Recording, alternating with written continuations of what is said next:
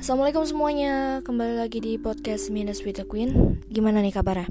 Semoga sehat selalu dan urusan kalian dimudahkan oleh Allah ya.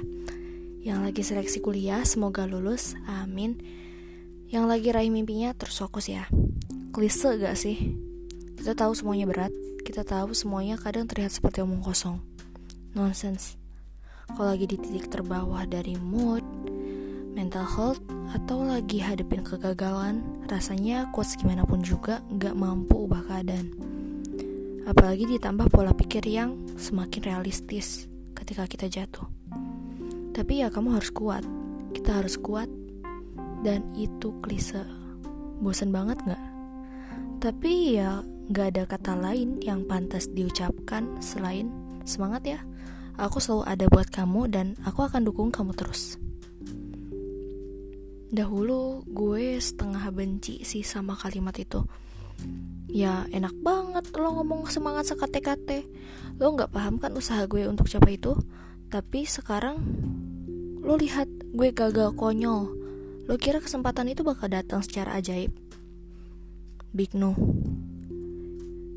Ya sekarang Aku saranin kalau dari listeners ada yang pernah terbesit pikiran begitu di situasi dan kondisi yang mirip, please, uh, I don't want to mention, but we are mean. Gue dapat pelajaran dari seorang senior bahwa menyemangati teman baik dalam keadaan normal dan baik-baik saja, atau akan menghadapi ujian, atau memang sedang gagal, itu dampaknya besar banget loh.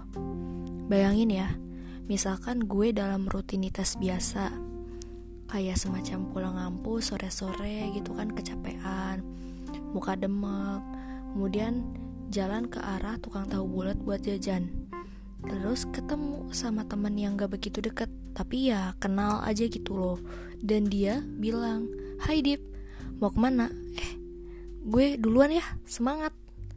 Ini dampaknya lebih deep daripada sekedar susu kotak sticky semangat.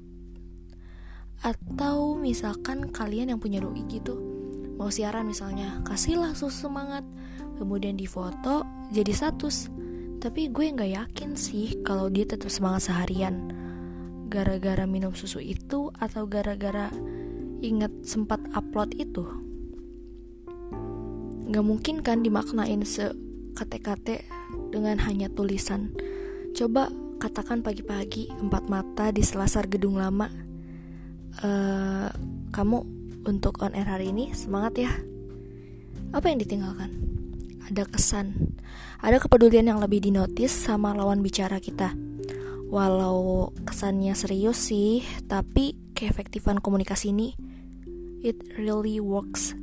Ini beneran bekerja dan semoga listener semua ngeh ya maksud aku di podcast kali ini Sekali lagi untuk kita semua semangat. Terima kasih untuk terus mendengarkan podcast Minutes with the Queen. I love you all. Untuk listeners yang ingin sharing bisa banget DM aku di Instagram @divto karena aku sangat nunggu inspirasi dari kalian yang sangat hebat.